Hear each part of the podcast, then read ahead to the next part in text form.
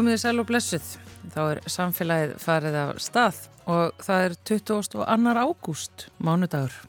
Mikið rétt. Og við erum hér Guðmundur Pálsson og Þóruldur Ólustóttir með ykkur í þætti dagsins. Við ætlum að gera ímislegt og ræða ímislegt í þættinum. Í dag við ætlum að forveitnast um Carpfix verkefnið sem í stuttumáli gengur út á að dæla niður koldvísýringi í jarðalögin og við þekkjum þetta ágætlega. Það hefur mikið verið fjallað um þetta. Mm. Þetta verkefni hefur vakið heims aðtegli og það er ímislegt að frétta af Carpfix og margt í pípunum, bóstálega. Nýlega fengst risastyrkur til að þróa niðurdælingu á innfluttum koldvísýringi frá yðnaði Erlendis og það að reysa miðstöð við Strömsvík til að sinna þessu. Við fáum líka að heyra af tilraunum með niðurdælingu á sjó í stað uh, vass og fyrir hugaður í hlutafélagafæðingu Carpfix sem er í eigu orkuveitunar. Ólur Teitur Guðnarsson, samskiptastjóri Carpfix, segir okkur allt um þetta. Og svo er það metan í þetta dagsins. Já, hann kemur til okkar Gunnar Dófri Ólafsson, samskipta og þróunastjóri Sorpu. Eftirspurni eftir metani hefur aukist töluvert þó minna farið fyrir metani á fólksbílum en sumir vonuðust eftir. Við ætlum að heyra allt um metan. Og svo er málfarsminútan mætti þáttinn, venju sangkvæmt og uh, í lók þáttar tengjum við okkur við Húsavík og ætlum að ræða um kvali. Þeir skipta náttúrulega bæja búi, búa þar miklu máli, enda fjöldin allur sem sækir þorpið heim til þess að skoða kvali, bæði þá út á flóa sem og í kvalasafninu. Við ætlum að eh, heyra aðeins af því hvernig hefur gengið að taka á mótu fólki og hvort að kvalitin hafa látið sjá sig. En fyrst er að Karpvíks.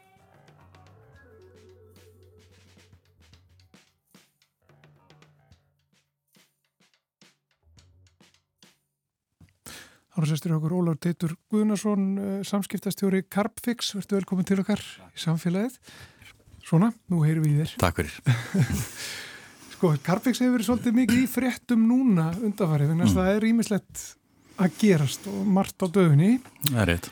Um, ef að byrja bara aðeins á að fara yfir það þó að við höfum nú rætt að áður og munum ræða öruglega í framtíðinni mm -hmm. út á hvað þetta gengur, hvað, hvað þið gerir því á Krabbjöks og hver er svona tæknin og hugmyndin á bakvið þetta? Akkurat, já, hugmyndin er svo hvort að hægt sé að um, herma eftir því sem að náttúran gerir sjálf sem er að binda koldjóksíð í berg, jarðlögum neðanjarðar gerist á lungun tíma í náttúrunni og hugmyndin var svo getur við uh, líkt eftir þessu ferli og, og hraða því uh, með því að blanda koldjóksíð í vatn og dælaði niður í jörðina í heppilega jarðlög sem eru til dæmis mjög mikið fyrir hendi á Íslandi, basalt. Mm.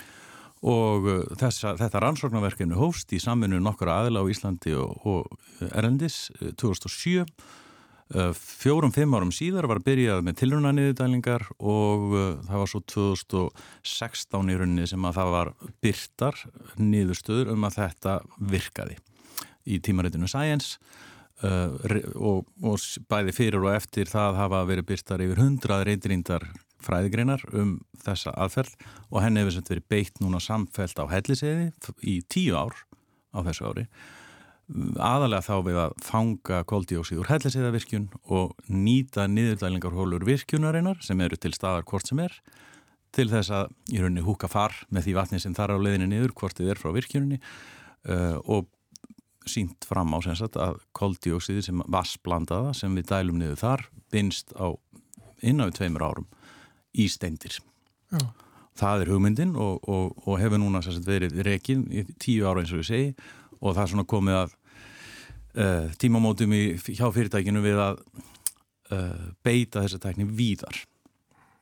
Sko þetta var náttúrulega svona mikið tekið á loftlagsráðstöfnunni að Karpvíks væri í rauninni það svona stóri, stóra atriði sem að Ísland var að færa heiminum í baráttunni gegn loftlagsváni mm. og mér skilst að það hefði líka verið aldrei svona mikið svona virkaði nánastu svona fjárfestingaráðstöfna mm. þessi loftlagsráðstöfna það sem að voru margir fjársterkir að leita eftir að setja peningana sína í forvillega verkefni í þá umhverfis. Já, ég, ég er búin að vera hjá fyrirtækinni í halvt ár þannig að þetta var nú fyrir mína tíð en, en eitt af því sem við komum mér á óvart er aðteglinn sem fyrirtæki hefur fengið Erlendis. Mm -hmm. og hún er, má segja, jafnvel meiri en hérna heima á Íslandi.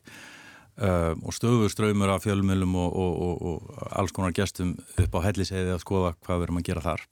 Og já, vissulega rétt að það er mjög mikil áhug hjá, hjá aðilum að koma í samstarf með okkur annarkort fjármagnaverkefni eða þá samstarf um að farga koldíóksíði með okkar aðferð sem aðrir hafa fangað með sinni aðferð því að það er býstna margir í heiminum að þróa leiði til að fanga koldíóksíð en kannski færri sem hafa fundið góða, örga, umhverfisana leið til að losna við það eins og við hefum gert og við erum svolítið í þeirri stöðu að, að margir vilja samstarf um, um þetta mm. og ef við aðeins bólum tilbaka og veltum hér okkur til hvers erum við að þessu ástæðan er svo að um, það er svona samkomulag nokkuð hérna samstæði í heiminu meðal fræðimanna og þeirra svona skoðamáli að það sé ekki nóg fyrir okkur að hætta að losa koldíósið, við þurfum líka að losna við það sem að uh, þegar hefur verið losað Já. til þess að ná loslasmarkmiðunum. Verkefnið á helliseiði, það gengur út, frá, út á að fanga koldjósi frá, frá þeirri starf sem er, sem er þar í virkunni og og það er dælt niður svona á staðnum nokkur með hinn. Eh, núna er stórt verkefni framöndan mm. Eh, og það hefur fengið styrkur frá nýsköpunarsjóðu Európa-sambandsins upp á marga miljardar eh, til þess að, að búa til einhvers konar miðstöð uh, sem að snýstu um það að taka við koldvísir ekki annar staðar frá mm -hmm. erlendis frá Já.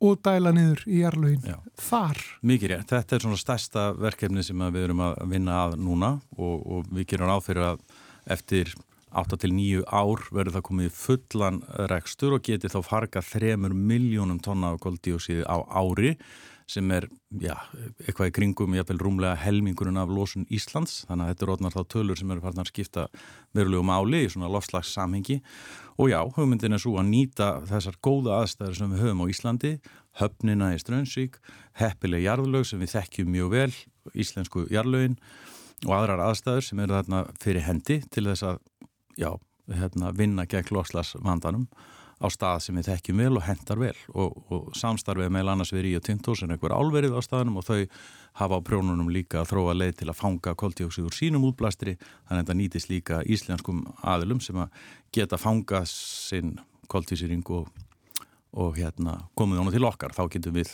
losnað við hann. Já. Og þannig er þessi förgunar miðstöð mm. Kóta Terminal sem að á að reysa, Já. Það er náttúrulega höfn á, á staðnum sem að já, eflust þarf eitthvað að, að, að bæta stöðuna það Já, til að geta tekið á móti skipum. Hún dögur í fyrstu áfengum en síðan þarf að stækana sem að líka skapar tækifæri fyrir bæinn, auk, auk, aukin um sig í höfninni, jafnvel færa um sig sem núna eru í, í miðsvæðis í hafnafyrði annað og, og svo framvegis, þannig að þetta á að geta hérna, verið til mikil haspúta fyrir báða aðila. En að flytja, flytja eh, efnið hingað mm. til förgunar, Já. Eh, það lítur að þurfa að horfa til þess að það mengi ekki á mikið? Alveg rétt, það er, það er stemt að því að þeir þau skip gangi á græn og elsneiti og muni þá losa já, ekki meira en 4% af því sem er verið að flytja.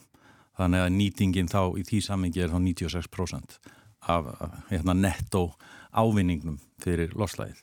En jú, vissulega allir flutningar losa eitthvað og í dag eru við að flytja ólju til hansins til þess að brenninni og, og, og við viljum svona snúa því ferli við og ef við erum að flytja eitthvað þá sé það frekar eitthvað sem við erum að leggja mörgum til þess að vinna gegn lofslagsváni heldur en auka á vandan. Og þessi skip eru til? Það er verið að þróa þau. Það eru til kannski hliðst að gasflutningar eru auðvitað þekktir og, og hérna en það þarf samt að aðeins að þróa ný, ný skip og við erum í samstarfi við danst skipafyrirtæki um það sem heitir Dan Unity. Er þetta hættulegt efni til flutninga? Veist, eins og maður sér oft svona rosalega merkingar einmitt á þessum mm. svona gasflutningabílum mm. sko, mm. Veist, maður myndi ja. ekki vilja verið návi við og ef eitthvað myndi Nei, gerast. Nei, ég, ég veit ekki hvort að þetta er hættulegra heldur en elsneiti sem við erum að flytja í dag sem eru þetta hérna, varasamt sko, eldtimt og farafnöndu göttunum, þetta er flutningur undir tölurum þrýstingi, það er alltaf þarf að ganga vel frá því en, en koldíoksiðir í sjálfur sér ekki eitrað uh, það er í andurslóttinu og, og hérna, ef það losnar út í andurslótti þá dreifist það til dæla hratt þannig að uh, efnið sem slíkt er ekki hættulegt myndi ég segja en allur flutningur undir þrýstingi eins og í þessu tilviki er eitthvað sem þarf að bara gera vel og passa upp á sjálfsögðu. Hvaðan kemur koldísýringur sem verður fargað í, strömsu? Það kæmi þá frá yðinaði í Evrópu, norður Evrópu líklega aðlega og, og þá yðinaði sem að á ekki gott með að draga úr sinni lósun, það er svona helsta sem við horfum á. Sum starf sem er þannig, hún á ekki gott með að minka sín á lósun og þá komum við þar einn, semensframlegsla, malmframlegsla kannski einhver orkuvinnsla þess áttar og, og þar er hægt að sérst, fanga koldjóksið frá þeim sem að þau get ekki annað en losað en er þá betra að fanga og farga Já. og eins og ég segi vísindabinn telja að það þurfi að gera þetta í mjög verulegu mæli til viðbútar við að draga úr losun. Þetta er svona alveg ný sín í rauninni fyrir Íslendika mörguleiti að því að við erum nú svona verið meira í því að flytja ófögnuðin okkar úr landi mm. eh, hérna, veist, við flytjum ruslið okkar og, og veist, við hefum verið að setja plast og alls konar svona rusl bara, sorp frá okkur mm. þannig erum við að taka við einhverju uh, er, já ég minna ég spyr, búist þið við því að fólki lítist á það að fá ruslinn til landsins til þess að ganga frá því hér Já, það sem við erum vonandi líst fólki vel að það taka þátt í því að vinna gegn lofslagsvandarum. Mm. Um, það má kalla þetta rusl, ef maður vil horfa neikvægt á það.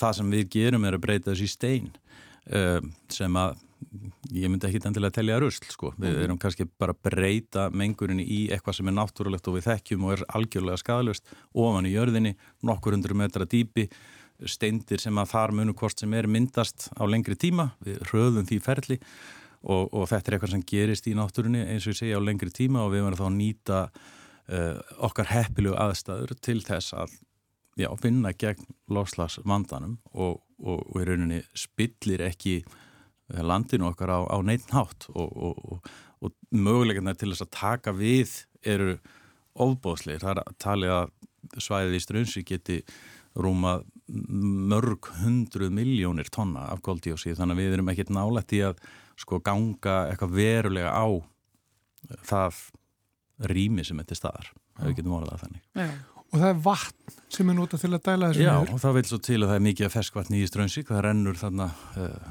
undir í rauninni hraunið og til sjávar á þessu svæði. Álverið er í dag að nýta það vatni til að kæla álið í sinni framlegslu, þannig að við varum að, að, að fá að láni vatn úr þessum strömi líka. Já.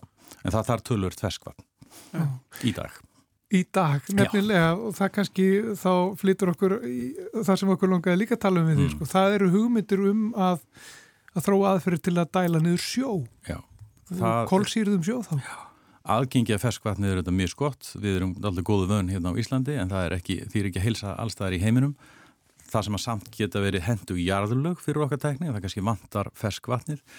En þá kemur sjórin vonandi til skjálana sem ný leið til þess að beita okkar tækni. Við höfum sínt fram á þér samstarfi Háskólu Íslands að sjórin hefur sömu eiginleika, eh, það er hægt að nota fræðilega séð og, og svona samkvæmt tilruna stofinni en núna í haust erum við að, í fyrsta sinn að bóra tilruna hólu til þess að prófa þá okkar aðferð með sjó uh, í Helgvík og það síðan verður vaktað í kjölfarið og kannað með sama hættu við gert upp á helliseiði hvort að það sé rumverulega að virka.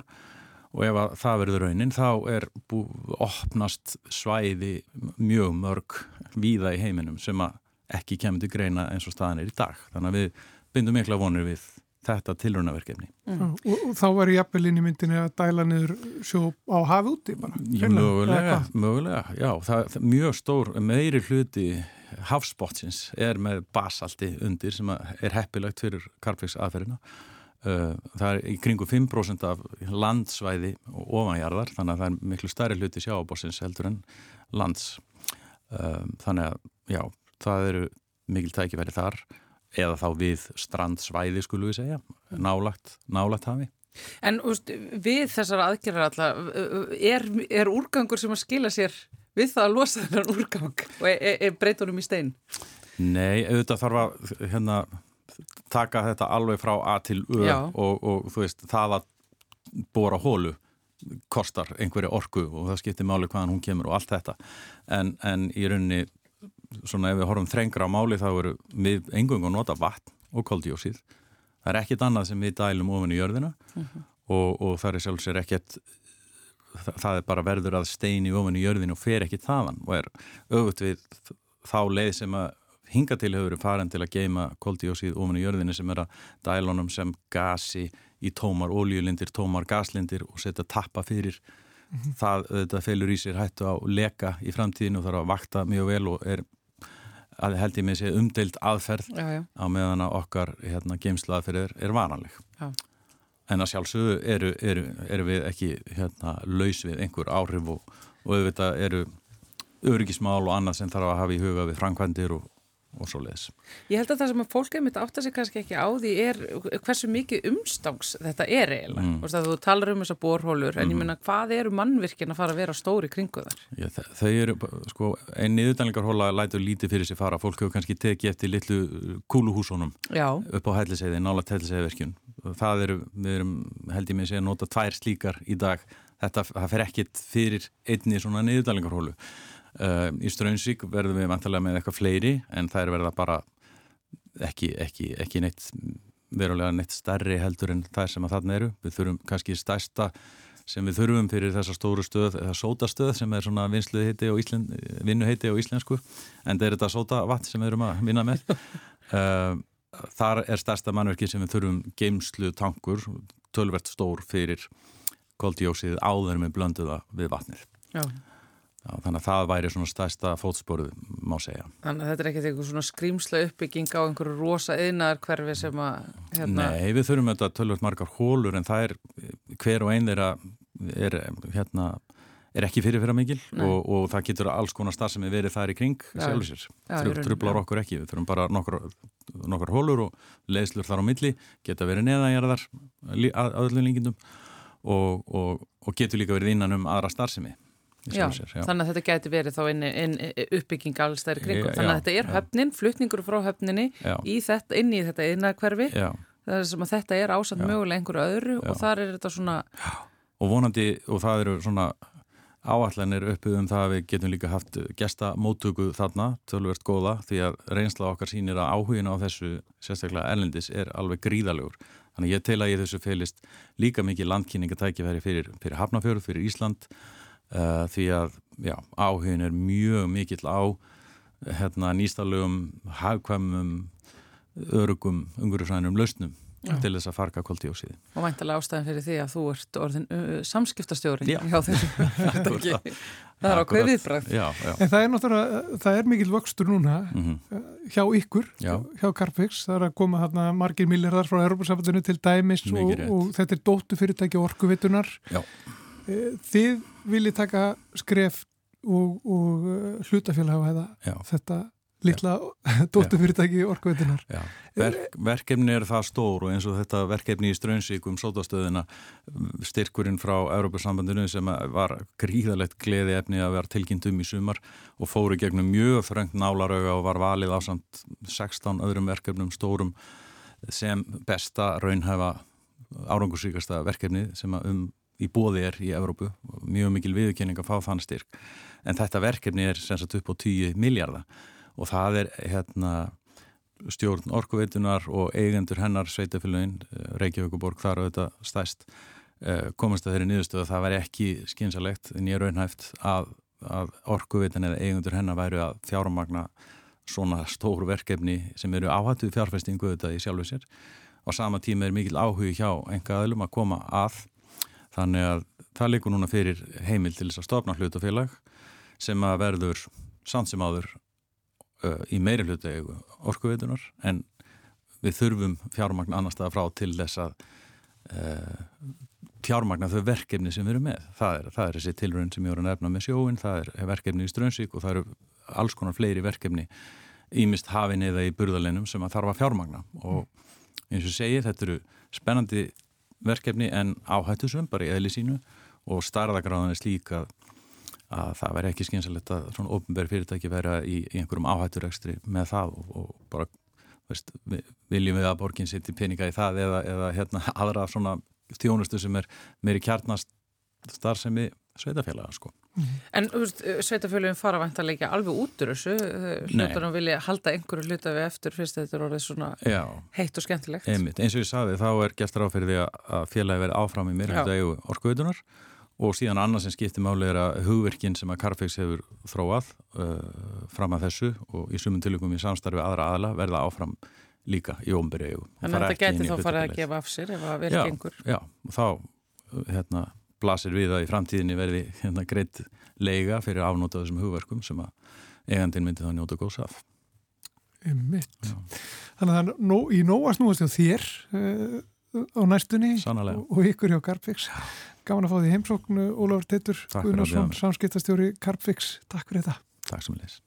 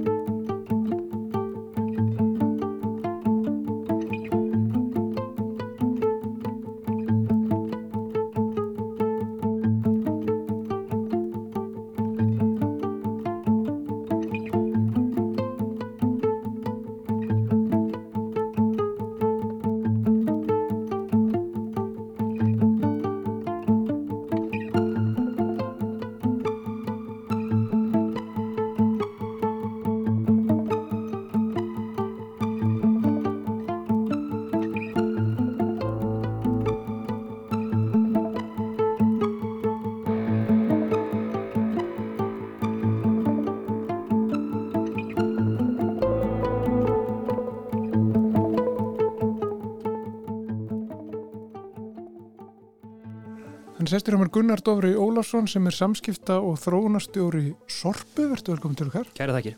og hvað langar að tala við þig aðeins um metan? Já, og fyrir ekkert mörgum ára síðan þá horfði fólk dálítið mikið til metan sem já það yrði stór þáttur í uh, orkuskiptum í samgöngum. Mm og það voru engabílar sem hafa breytt fyrir metan og svo voru fluttir hérna inn bílar sérstaklega fyrir, sem gengur fyrir metani. -hmm.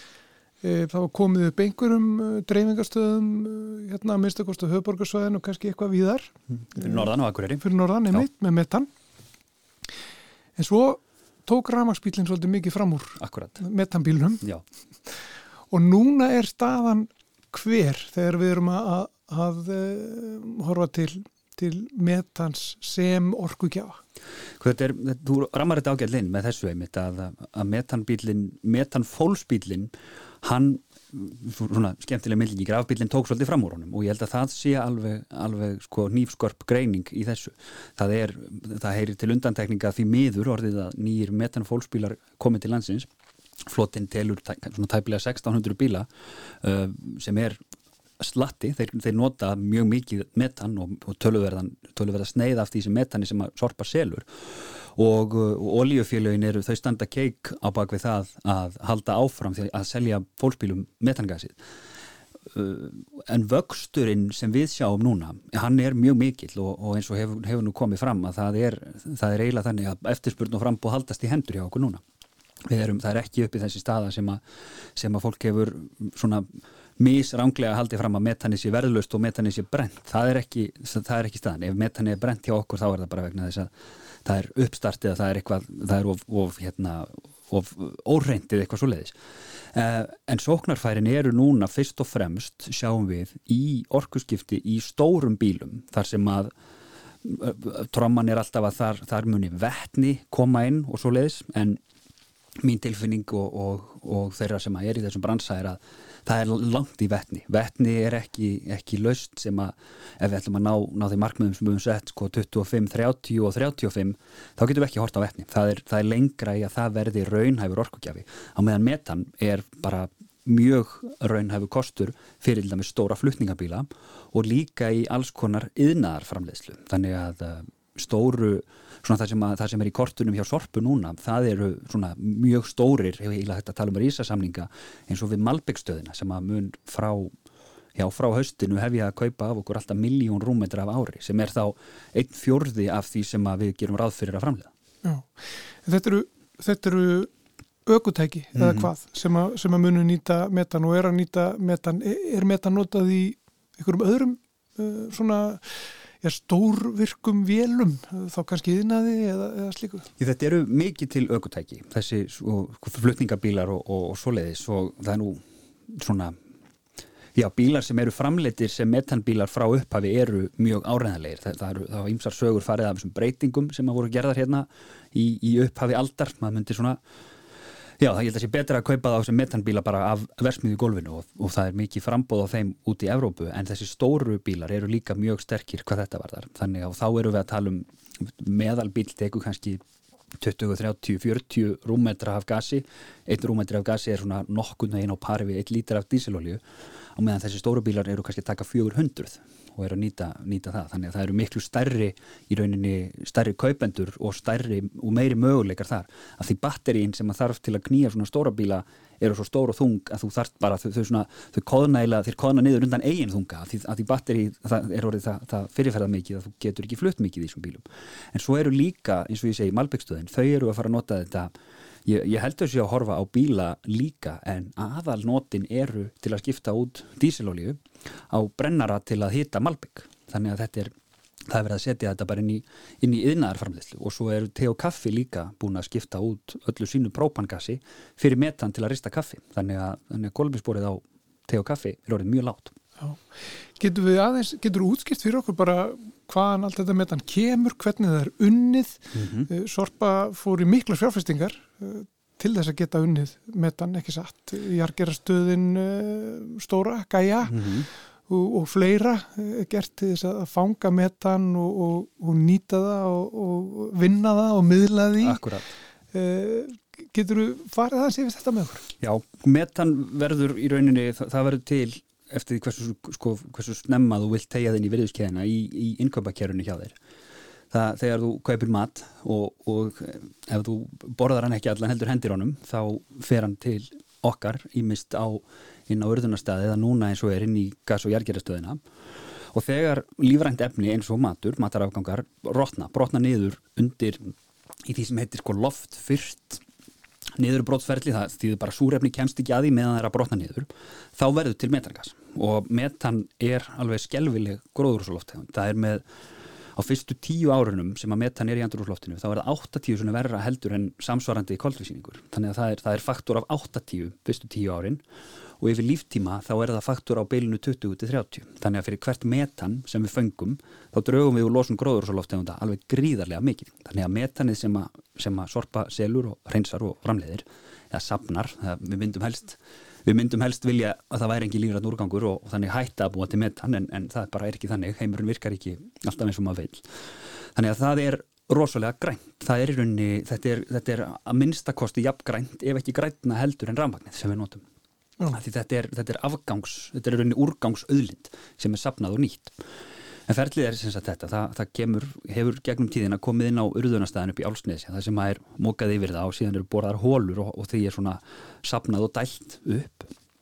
Og núna er einmitt eins og þú segir gas- og jargerastöðin, hennar, sko, hennar aðalhlutverk er að taka móti lífrannum úrgangi og meðhundlan með forsvarnarlegum hætti, þannig að söpnun á, á gasi á urðunastað, hún nær aldrei öllu metangasinu sem að losnar. Söpnun á, í gas- og jargerastöð eða sambærilegum stöðum, hún kemur í veg fyrir gríðarlega mikla losun af gróðurúslofttegundum. Þannig að svona helsta aðalhlutverkæju er að koma í veg fyrir losun gróðurúslofttegunda. Aukaröðlunar eru metan og moltan og Moltan er, er í pásu í byli, það greindist mikla þarna í setni hluta vinsluverðlisins þannig að það er, það er stopp í byli en er að komast í gang aftur. Við tökum kannski annars pjallum það eftir, eftir einhver tíma.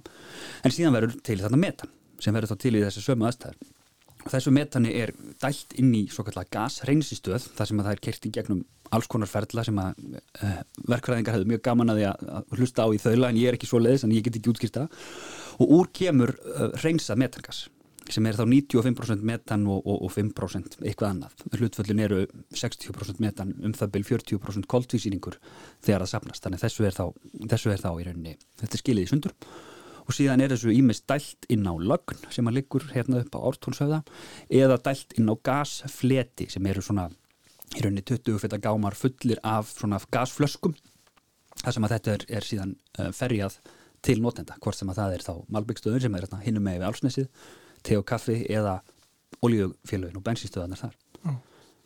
Er hægt að nota, er ykkur almenn not fyrir metagas önnur en, en, en eh, í samgöngum og þá er þetta að nota metan bara til að grilla, er þetta að nota metangas í staði fyrir gasi sem við grillum ja. eða er þetta að nota metangas í aðra matreyslu eða ykkur neins og við segjum yðnáð eða þess að það sko, Metangas er í sjálf og sér notað mjög víða við matreyslu bara ekki á Íslandi. Að því metangas er í rauninni það, þegar, þú, þegar þú fer til útlands og, og skrúa frá gaseldavilni þá kemur metangas upp úr henni. Þannig að já já, það er, það er velhægt en við á Íslandi erum það heppin að við þurfum ekki að nota jarðgas að því jarðgasir sem, að, sem að rússar eru núna að klippa á til Evrópu er yfirlega bara metangas það er bara ekki af hérna, það er ekki af uh, lífrænum uppruna heldur er borað eftir því. Þess vegna er það hérna, þess vegna veldur það losunar áhrifum, gróðurúsa losunar áhrifum en er ekki að spara losun eins og gasið okkar. Þannig að þetta er bara sama gasið, það er bara af, af öðrum uppruna. Þannig að já, það er, það er mjög vel hægt að gera það en um, það væri mjög mikil skuldbinding hjá þér ef þú ætlar að fá þér gasgrill sem, a, sem að gengi fyrir metani að því metan ólíkt própangasi það, það, hérna, það er það þarf svo mikið pláss. Það, það þarf að hafa það undir þrýstingi þannig að þú þyrtir svona já, svona, svona reysastóra gasflösku við hliðin á grillniðinu sem er, sem er þú veist, 20 kílóa, þannig að það er, það er hægt en það er ekkert sérstaklega praktist mm -hmm. en svo er staðan svo að, eins og ég segi, við erum að við erum að horfa á það að fasa upp framlýsluna núna í alltaf, já, fjóra miljón rúmmetra og við höfum kaupmendur að því eiginlega öllu. Og það er hérna, já, með, með á, þessum tíma þá verður, verður þetta allt saman selt. Og við getum stýrt framlýslinu upp á magni, það er hægt að framleiða minna og meira, það er hægt að svona draga úr framlýslinu á urðunarhaugnum og, og svo leiðist til að mæta eftirspurninni. Síðan sjáum við líka mikinn áhuga á því að að því það, það verður bannað að, að urða lífrannan úrgang bara eftir örfá ár. Að því urðun á lífrannum úrgangi veldur gríðarlega miklum gróðrúsárhugum þannig að það verður bannað eftir nokkur ár.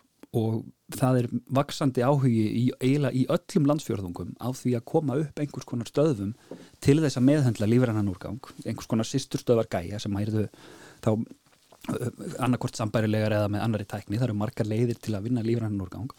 Og þar er, er, er hort á það að koma þessum lífræna úrgangi fyrir í þessum stöðum og framleiða meira metangas þá annar staðar á landinu ímist til frekari orkurskipt á Íslandi, maður vilja þetta fyrst og fremst taka þátt í þeim.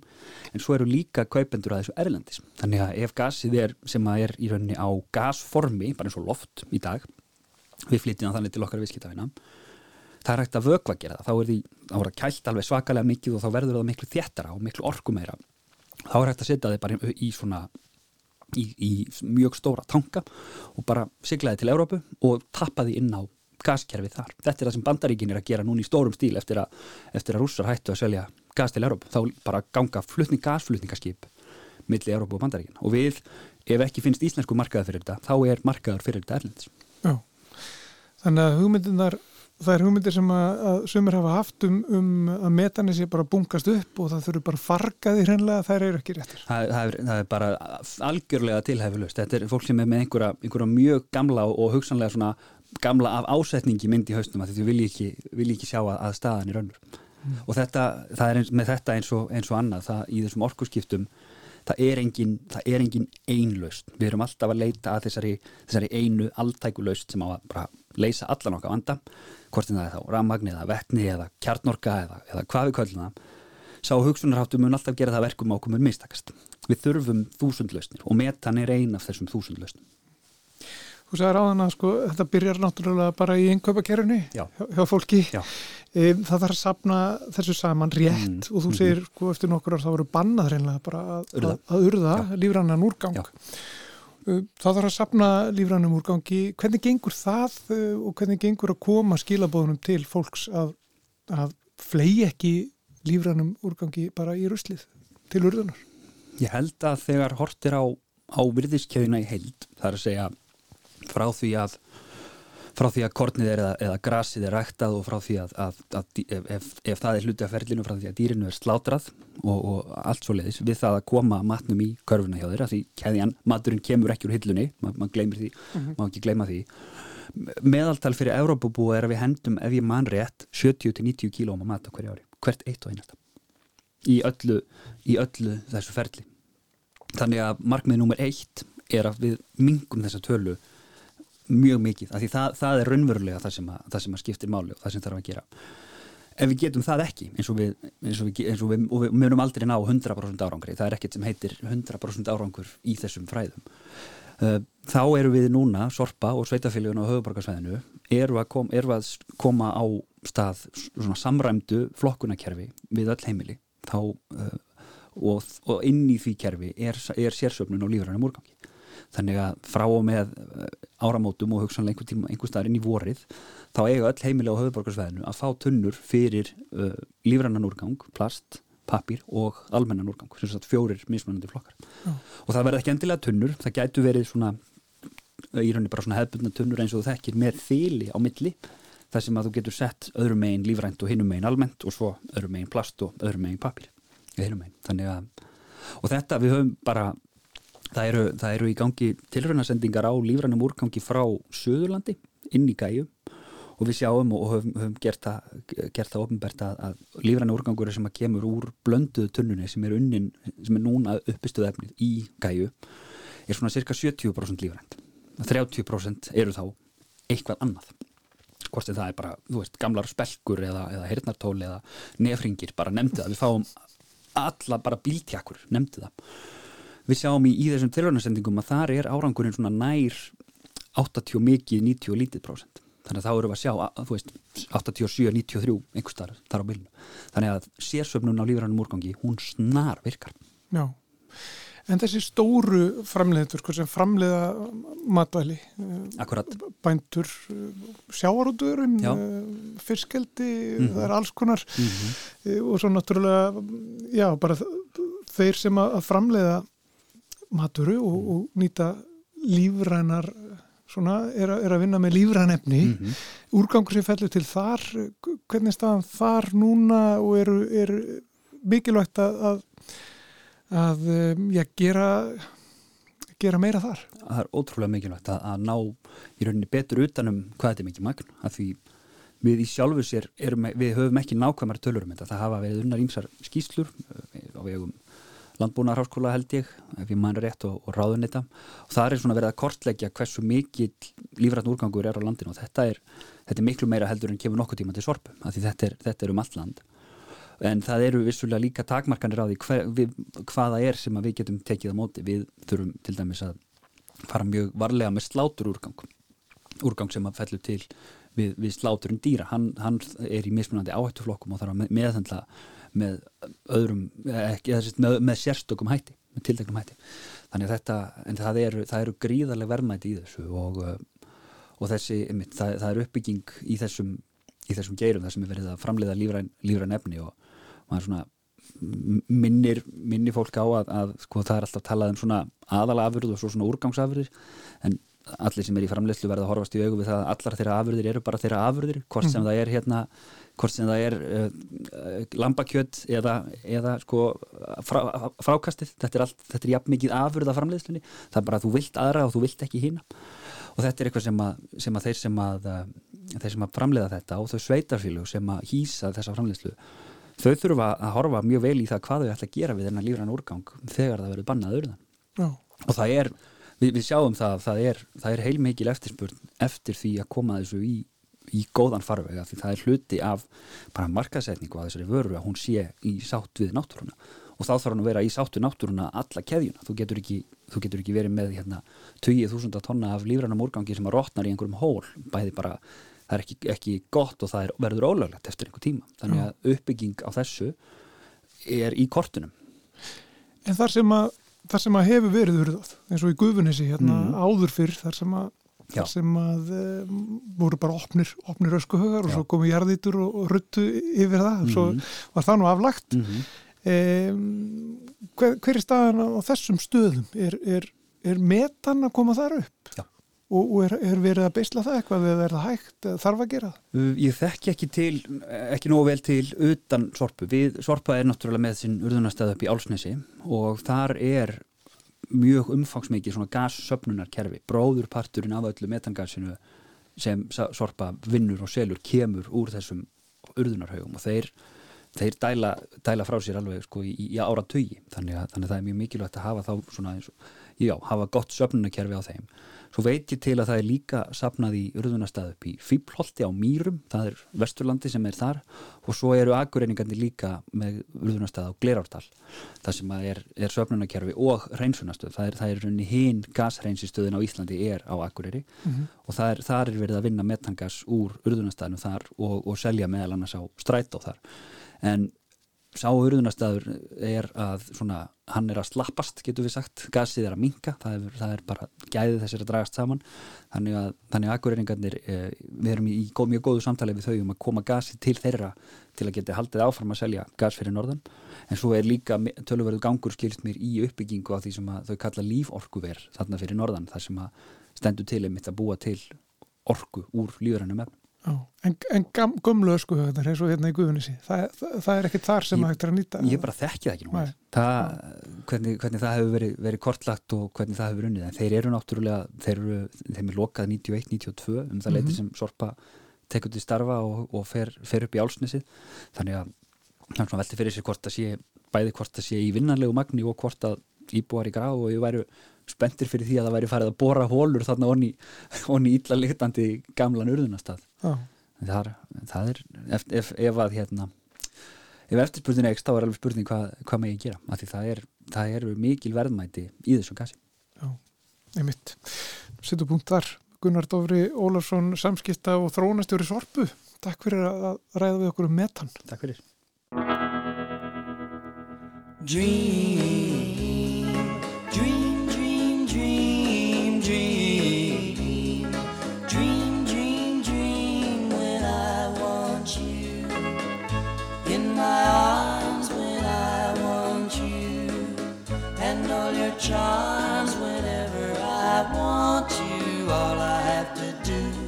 do dream Dream, dream, dream when I feel blue in the night and I need you to hold me tight whenever I want you. All I have to do is dream. I can make you mine, taste your lips of wine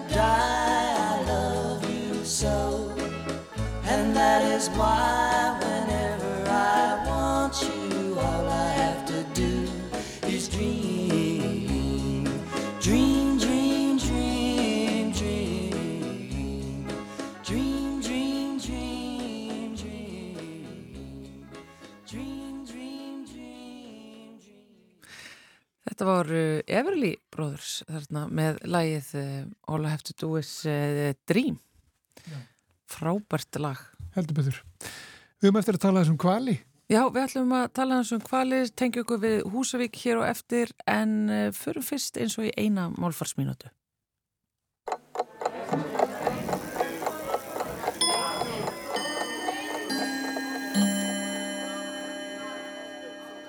Hafið þið einhver tíman spáð í orðið fræði? Það er frekar skemmtilegt af því að það skiptir um kyn millir eintölu og fleirtölu. Það er í kvenkinni eintölu, hún, fræðin og notaðum fræðigreinar svo sem málfræði, jarfræði og læknisfræði og fleiri. Kvenkinsmyndin kemur oftast fyrir í samsettum orðum eins og þeim sem ég var að telja upp. Í fleirtölu er orðið í kvorukinni, þau fræðin. Í fleirtölunni er það síður samsett. Það er til dæmis talað um ímisfræði og svo um tiltekinn fræði eins og íslensk fræði og norræn fræði. Þessi verkaskipting millir kvenkinsorsins og kvorukinsorsins er svo með þeim hætti að eftir vil ætti bara líta á þau sem tvö aðskilin orð með svipaða merkingu. Hvað finnst ykkur?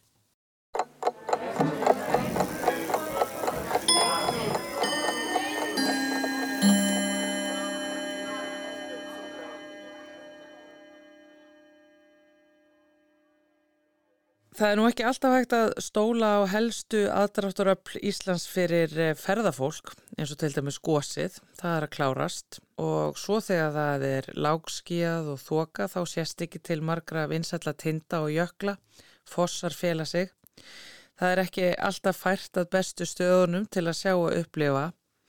Kvalaskoðun hefur sleiði gegn og hefur orðið að einni eftirsóttustu afþreyingu ferðamann á Íslandi En það er þetta með kvalina eins og annað sem ég var að tellja upp í náttúrunni. Þeir eh, koma svo sem ekki eftir pöntun, það er ekki eftir að ganga að þeim. Við erum komin í samband við Húsavík þar sem aðgangur að kvölum er hvað einna greiðastur líklega á Íslandi og það er ekki bara þarna út á skjálfandaflóa, heldur er hægt að ganga að þeim nokkuð vísum í kvalasafninu en framkvæmdastjóri þess er einmitt hér á línunni. Sæl Eva Björk Áradóttir, sæl. Já, sætt. Sko, við skulum kannski byrja einmitt á safninu. Það er alltaf hægt að ganga kvölum þar. Já, kvalunar okkar bara ekki neitt, þannig að það maður getur gengið að því vísu að sjá þá þegar maður kemur í heimsögnum safnið. Við erum með uh, 12 beinagrundur til sínist af uh, 11 mismöndu kvölum, þannig að það er nóg að taka hér. Já, þannig að ef þeir sína sig ekki út á flóa hvort sem er vegna þess að þeir er ekki þar eða hvort að það er vond veður eða þarfræntu göttunum að þá getum maður skoða þessa risa hafsins þarna hjá ykkur og það er alltaf nógum að vera í safninu. Já, það er til dæmis búið að vera mikið að gera hjá okkur í allt sumar og það er bara búin að koma í rauninni bara ég, líklega fleiri gestur heldur við vorum að fá hérna 2019, hann er bara búið að vera, búið að vera mjög gott sumar fyrir okkur. Eru það að tellja saman hvaða koma margir til ykkar? Já, ég held að við séum að vera komið með um 30.000 gesti uh, núna á þessu ári og það er í rauninni, þeir koma langt flestir bara núna yfir hásaumarið, svona frá mæ og fram í september. Eru þeir þá að heimsækja kvalasafnið ásamt því að fara í kvalaskoðun eða er kvalasafnið, já, ég meina bara aðdráttarafl eitt og sér, í sjálfu sér? Það er mjög margir sem að koma bæði til okkar og fara svona síðan í kvalaskoðun. Mm. Þetta eru náttúrulega í rauninni svona tvær mismöndi aftreyingar sem að ganga vel hérna, bara einu orð sér en það vinna óbóðslega vel saman bara til þess að gefa meiri upplýsingar og meiri insýn í heim kvalana. Já, þannig að þess vegna er líka eðlilegt að þið starfið náttúrulega þetta mikið þá með kvalaskoðunum fyrirtækjum á svæðinu og já og sem og rannsóknarsetri háskólans þar sem að kvala rannsóknir eru stundar. Já, við gerum það. Er rauninni allir sem að fara í kvalaskoðun fá afslátt þegar koma í heimsóknir safni til okkar og Við erum alltaf svo ótrúlega heppin að hafa rannsóknarsveikur háskólans hérna á Húsavíka því að með því þá koma svo ótrúlega margir bara efnilegir og flottir sjáva lífræðingar uh. til þess að stundar rannsóknir hérna yfir allt árið. Þannig að við njótum alltaf mjög góðs að því að hafa alla þessa þekkingu hérna á sveðinu. Og einmitt talandu um, það er hægt að ganga að kvölum og eða aðalega náttúrulega beinagrindum og upplýsingum um kvalina að ganga að því vísu þarna hjá ykkur. En hvernig hefur sumarið verið út á flóa hjá hérna, þeim levandi kvölum sem að þar koma allavega oftast við? Sumarið er búið að vera henni bara mjög gott. Það er nóga kvölum í flónum og náttúrulega margar tegundir sem maður getur séð hérna. Kanski maður þá halist nefna eins og núubakinn sem að flestir nú spenntastu fyrir og svo erum við náttúrulega líka með steipir eða í flónum og uh, sefnur, höfrunga og ímsett meira. Uh, að vísu höfum við ekki verið svo heppin með veðrið í sumar en það hefur nú samt ekki sett svo stórt drikk í reikningin. Nei. Og mikið að fólki búið að koma til húsaukur í sumar og til þess að fara í kvalaskoðun. En uh, þegar sko fólk er að fara í þessa kvalaskoðun og sér ekki kvalina og kemur síðan á sapni til ykkar, ég meina bætir það upp fyrir uh, það að fá ekki að sjá það í álfurinni? Uh, að vissuleiti gera það. Ef að fólk sér ekki kvali í kvalaskoðun þá er það líka alltaf bóðið að hérna, bóka bara annan túr og reyna aftur. Uh -huh. en, en já, það er vissulega hægt að í rauninni bæta upp fyrir það að sjá ekki neitt með því að koma á sapnið. Já. Við höfum til dæmis verið að bjóða upp á í sumar svona síndaveruleika upplifun, þannig að þú getur í rauninni prófa að synda með kvölum, þannig að þá getur þú séð þá í rauninni ansið nálagtir á annan haft heldur þú myndir annars gera í kvalaskoðuninni. Já, ég meina það er náttúrulega bara slær kvalaskoðuninu út að þú sér það alltaf bara ofan á það. Já, næstum því. Það er náttúrulega alltaf að jafnast náttúrulega ekkert á því það að sjá hval lifandi hérna nokkru metrum frá sér, en þetta er alltaf mjög góður svona valkostunum með tvö. Já, já, þetta bætir aðeins upp fyrir. Algjörlega. Þú talar einmitt um að, að það er, hvað, hnúfubakurinn sem að er svona það sem að fólk vil helst sjá? Já, af því að hnúðubakarnir eru yfirleitt bara svo, uh, bara svona skemmtileg dýr. Þeir hérna, leika sér mikið, þeir eru oft með mikið sjó fyrir gestina, eru þú veist að hérna, slá uggunum á hérna, vatnið og eru að stökkva upp og hérna, þeir eru svona sína sig miklu meira heldur en hinni kvalinir sem að kannski þú sér bara bakið og sporðin. Mm. Sko, að vera þarna í Húsavík og, og eins og þú með kvalasafnið og þau sem er að rannsaka kvalina og er náttúrulega ekki hvað síst kvalaskoðuna fyrirtækin Mhm. af því að er ekki, þetta er ekki tamin dýr, þú getur ekki kallaði til þín, þau gera náttúrulega af mörguleiti bara það sem að þeim sýnist. Er ekkert um, svona óryggi yfir ykkur, yfir því að þeir gætu mögulega kannski farið, af því að það er svo margt í lífriki sjáar og bara í, viss, í visskerfinu að breytast? Jú, vissulega. Það eru svo ótrúlega margir óvissu þættir núna sem að eiga brættir að koma meira í ljósum næstu árum. Uh, til dæmis bara með það hvort að golfströmmurinn minni veikjast eða og þá náttúrulega getur það haft mikil áhrif á í rauninni bara hitastig í sjónum hjá okkur, fæðu frambúð uh, og þar fram með göttunum. Þannig að það skiptir ótrúlega miklu máli að hafa, veist, alltaf þessi málefni svolítið ofalega í huga Mm. og gera það sem við getum til þess að sportna á móti, þú veist, frekari hröðun á lofslagsbreytingum Já. því að, já, því að það verður náttúrulega mikill misseri að þessi dýr myndu hverfa úr sjónum okkur. Og mér skilst að þið séu náttúrulega svolítið að ræða þessi erfiðu mál í safninu ykkar, vekið aðtekli á því meðfram því að, að, eh, kenna fólki um kvalina. Já, vissulega. Uh, við erum til dæmis núna að vinna í nýri síningu sem að með fjalla um kvali sérst, á við norður heimskvitið þar sem við ætlum í rauninni að tala svolítið um hvernig heimskvitið er að breytast og hvaða afleðingar það getur haft í förmað sér fyrir okkur bara núna á næstu áratugum. Já. Þið skinnið þetta vantarlega mjög mikið þið þarna við skjálfandu flóa. Já, vissulega. Og maður náttúrulega kannski veltið fyrir sér hvort að einmitt þessar veður, veðurfarsbreytingar sem við höfum verið að sjá núna, eins og bara í sumar, það vera mjög kallt og svona ekki, maður finnst tínu eins og sumar það hefur ekki alveg komið. Og það er náttúrulega breytingar sem að við getum náttúrulega líklega bara ekki beint til þess að, til þess að já, það er breytingar sem að við erum að sjá um allan heim. Af því þetta er náttúrulega, nýrað svo miklu fleiri þáttum heldur en bara kvölunum ef að, að kvalirnir missa sína sitt fæðuframbóð og því það vendarlega líka að við getum mista við sjálf af því að við erum ofta að sækja í sömu fæðuflokka sérstaklega úr hafi þar sem að eru fiskar eða dýr sem að reyða sig á yfir þetta sveip sem að kvalirnir sækja líki. Mm Það, við getum tengt við það á svo mörgum, mörgum sviðum. Já, það er alveg rétt.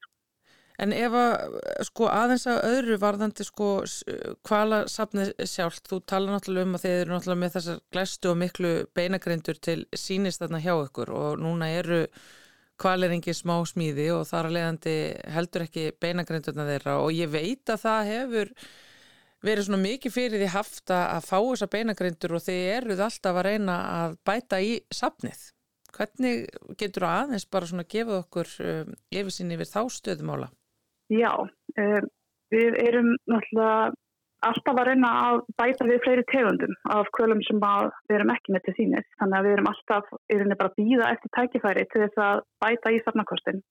Uh, allir kvalmi sem við erum með upptættir í safninu eru af dýrum sem hafa bara dáið uh, af náttúrulegum orsökun. Þannig að við þurfum í rauninni að býða bara þólum og þangar til að kvalur strandar sem við getum sótt og verkað og þá sett upp. Og þetta er náttúrulega mikið ferli sem að uh, tekur maður sko nokkur ár í rauninni frá því að við getum fengið dýr til okkar og verka það og setja upp og það var til dæmis um, mikið mál þegar steipiröða beiningrunni kom til okkar því að við þurftum að berjast vel fyrir því að fá hana í lúsa ykkur já, já. og það var náttúrulega mikið fengur fyrir okkur því að þetta er ótrúlega sjálfgef, sjálfgef dýr sem er mjög hérna, sem er hefur rauninni ekki tækifæri til að sjá uh, hvað sem er Þetta er til dæmis bara önnur af tveim beinagröndum sem er uppsett í Evrópu. Hinn er e, semst á náttúruminnarsafni í London og ég held að ég get alveg fullist að, að Húsavík er eini staðurinn líklega í heiminum þar sem að þú hefur tækið frá það á því að sjá alvöru beinagrönd afstæpurið hérna inn í safninu og síðan getur þú séð lifandi dýr út í flónum eða úr steppin. Já, þetta er náttúrulega einstakt. En, e, það er það. En með, eru þið með óskalista? Þú veist, að þú talar um að þið séð og útkikkinu eftir beinagrindum og það bæta við safnakostin. Þú veist, hvað er efst á óskalistanum? Uh, okkur vantar til dæmis beinagrind af blettanýðing sem eru algengustu höfrungarnir hérna við Ísland og já, það er svona kannski það sem að væri ótrúlega gaman að fá akkurat núna bara til þess að fylla aðeins upp í þetta tegundir sem við sjáum oft hérna í flóðunum og já, það er svona alltaf helst á óskalistanum í augnablikinu. Já, þannig að ef að það er einhverjir landegundur að fjöru þarna sem að sjá reka þá á þá bara láta ykkur vita. Já, þá er alveg frábært. Við fáum oft tilkynningar þegar fólk gengur fram á uh, döða kvali einhverstaðar í fjöru og þá tökum við rauninni bara alltaf afstöðu um það hvort okkur rauninni vanti dýri sem að er verið að benda okkur á og svo þurfum við alltaf líka með það hvort að það sé rauninni í þannig ástandi að það sé hægt að sækja, sækja dýri til verkunar. Já, og svo einmitt tekur einmitt við þetta flokna ferli sem varst að útskýra á þann. Það er, það, er, það er ekki hlaupið að því að, að ná í safnakost fyrir kvalasöfn. Nei, það getur verið andri flókið. Þetta vestur rauninni allt á staðsetningu, uh, árstíma og bara aðgengi og bara hvernig, hvernig rauninni maður getur framkvæmt verkefnið. Já. Á gaman að heyra af þessu bæði lifandi kvölunum uh, uh, þarna út að flóa hjá ykkur og, og þeim sem eru þarna inni hjá ykkur beinagrindunum já, kvalasafninu. Takk hérlega fyrir spjallið Eva Björk Káradóttir, frangöndastjóri Kvalasafsins og Húsavík. Takk fyrir.